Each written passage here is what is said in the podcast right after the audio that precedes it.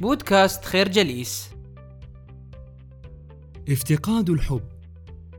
معنى ذلك أن الدافع المهيمن وراء رغبتنا في الارتقاء في السلم الاجتماعي قد لا يكون مرتبطا فقط بما نملكه من أشياء مادية بل أيضا بما نتطلع إليه من حب الآخرين نتيجة المكانة العالية التي نحوزها. الغطرسة. في كثير من الأحيان تكون رفقتنا للمتغطرسين أو تعرفنا عليهم ولقاؤنا بهم سببا في إثارة غضبنا وتوترنا لأننا معهم نشعر بمقدار ضحالتنا أمامهم. وهذا يزيد من مقدار سعينا إلى أن نكون مثلهم وأن نتشبه بسلوكاتهم ونمارس بعضا من سلوكاتهم الممزوجة بالتسلط والغطرسة. التطلع يشعر الإنسان بالمكانة كلما زاد تطلعه إلى تحقيق أشياء يسعى إلى تحقيقها. وليس التطلع في نهاية المطاف سوى ذلك الشعور بالرغبة في النجاح في كل مساعي الحياة. فتقديرنا لذواتنا يعتمد على ما نستطيع تحقيقه. فكلما زادت تطلعاتنا يستتبع ذلك شعور بالمهانة والحقارة خاصة في حالة الإخفاق. الكفاءة أن يحتل المرء سلم الترتيب الاجتماعي. أمر قاس من الناحية الاجتماعية والنفسية على الكثير منا. فمثلا تعاملنا مع الفقر لا يكون على قدر المساواة. اذ أن تأثير الفقر على تقدير الإنسان لذاته يتوقف بدرجة كبيرة على نظرة المجتمع للفقير وأسباب فقره. الفكرة قلقنا من المكانة الاجتماعية نابع من مجموعة من الأسباب توجه نظرة المجتمع إليها. مثله مثل مجموعة من الفلاسفة المعاصرين. يرى دوبوتون أن إشكالية المكانة الاجتماعية ونظرة الناس إليها يمكن أن تتبدد من خلال دور الفلسفة في تقديم حل نظري لهذه الإشكالية وتصويب نظرة الإنسان إلى نفسه باعتباره أحد تجليات هذا النظام الكوني البديع كما اعترفت به الفلسفة الرواقية. ولكي لا نسقط في شعورنا المزمن بانحدار مكانتنا الاجتماعية وإحساسنا بالدونية وعدم الفعالية. لا بد من الانتباه إلى أن نخرج من سجن الآخرين. فالآخر هو الجحيم الذي نعيشه كل لحظة وحين وأن نتخلى عن بعض هواجسنا اتجاهه فنسعى إلى إرضائه أو البعد عن سخطه. صحيح أننا نعيش مع الآخر ونتفاعل معه لهذا يمكن أن نقول بأن هناك من يقول بأن استحسان الآخرين لأفعالنا وأقوالنا يعتبران مهمين لنا من ناحيتين مختلفتين. ماديا لأن إهمال المجتمع لنا يمكنه أن يجلب معه المشاق المادية والجسدية. ونفسيا لأنه ثبت أن من المستحيل أن نحتفظ بتقديرنا لذواتنا إذا توقف الآخرون عن إعطائنا علامات الاحترام.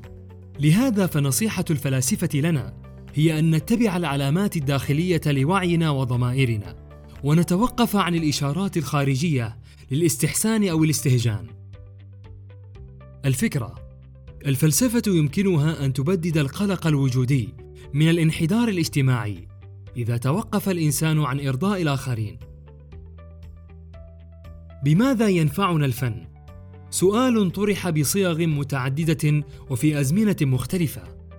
ومن طرحه غالبا ما كان من المستهزئين بقيمة الفن ومكانته وقدرته على تهذيب الأذواق وإصلاح الحس الجمالي للمجتمعات. وكل هؤلاء المستهزئين كانوا في كل مرة يحاولون أن يبحثوا عن مبررات يسوقونها ويعتبرونها كافية لإسقاط هذا الدور المنتظر. لكن ما يهم أكثر في هذا السياق هو أن الإنسان ظاهرة مركبة ومعقدة ولا يجب التعامل معها فقط في بعدها الأحادي لأن الحياة ظاهرة تحتاج إلى النقد ولأن البشر كائنات هشة على المستوى النفسي ومعرضة للمخاطر والمخاوف والقلق الوجودي. فإن من شأن الفن أن يكون المنقذ في زمن لم يعد هناك من منقذ. بعد أن اختفت كل مظاهر الإنسان من عالمنا المعاصر. إن كل أشكال الفن من أدب وسينما وموسيقى تستطيع أن تكون وسيلة تفسر لنا وضعنا الإنساني بحيلها وطرقها الخفية وعبر الميل إلى الخفة أو الرزانة وقد تكون كذلك دليلا نحو فهم العالم المعاصر بصورة تكون أشد وضوحا وأصدق دلالة. الفكرة: الفن وسيلة لتفسير وضعنا الإنساني بحياله وطرقه الخفية. ينتقي كل مجتمع مجموعة من الناس فيضعها على رأس الترتيب الاجتماعي ويصنع منها أساطيرا للنجاح والتفوق فيما يختار أيضا نماذج أخرى فيجعل منها صورته على الانحدار الاجتماعي والمكانة المتدنية في المجتمع. هذه المعايير التي يصنعها المجتمع قد تكون على أساس صورة الشخص أو طريقة كلامه ونطقه أو بسبب كفاءته أو مزاجيته أو لون بشرته. لكن أهم ما في هذه المعايير هو الاختلاف بين مجتمع وآخر مما يجعلها معايير اعتباطية وغير موضوعية لقياس الفشل والنجاح. فالخصال والقدرات المرادفة للمكانة الاجتماعية لا تبقى ثابتة مع تغير الأماكن والعصور بل تصبح هي نفسها منفرة وغير مرغوبة في أماكن وحقب أخرى.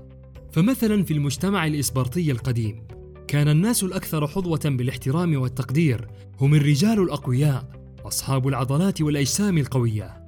أما في أوروبا الغربية في القرن الحادي عشر الميلادي فكان الناس الأكثر حظوة هم من اتبعوا تعاليم المسيح وانقادوا لتعاليمه. أما في إنجلترا في القرن التاسع عشر فقد أصبح إتقان الرقص مدعاة للاحترام والتقدير. الفكرة في المنظور السياسي للمكانة الاجتماعية هناك اختلاف كبير في معايير النجاح والتقدير. نشكركم على حسن استماعكم. تابعونا على مواقع التواصل الاجتماعي لخير جليس. كما يسرنا الاستماع لآرائكم واقتراحاتكم. ونسعد باشتراككم في البودكاست.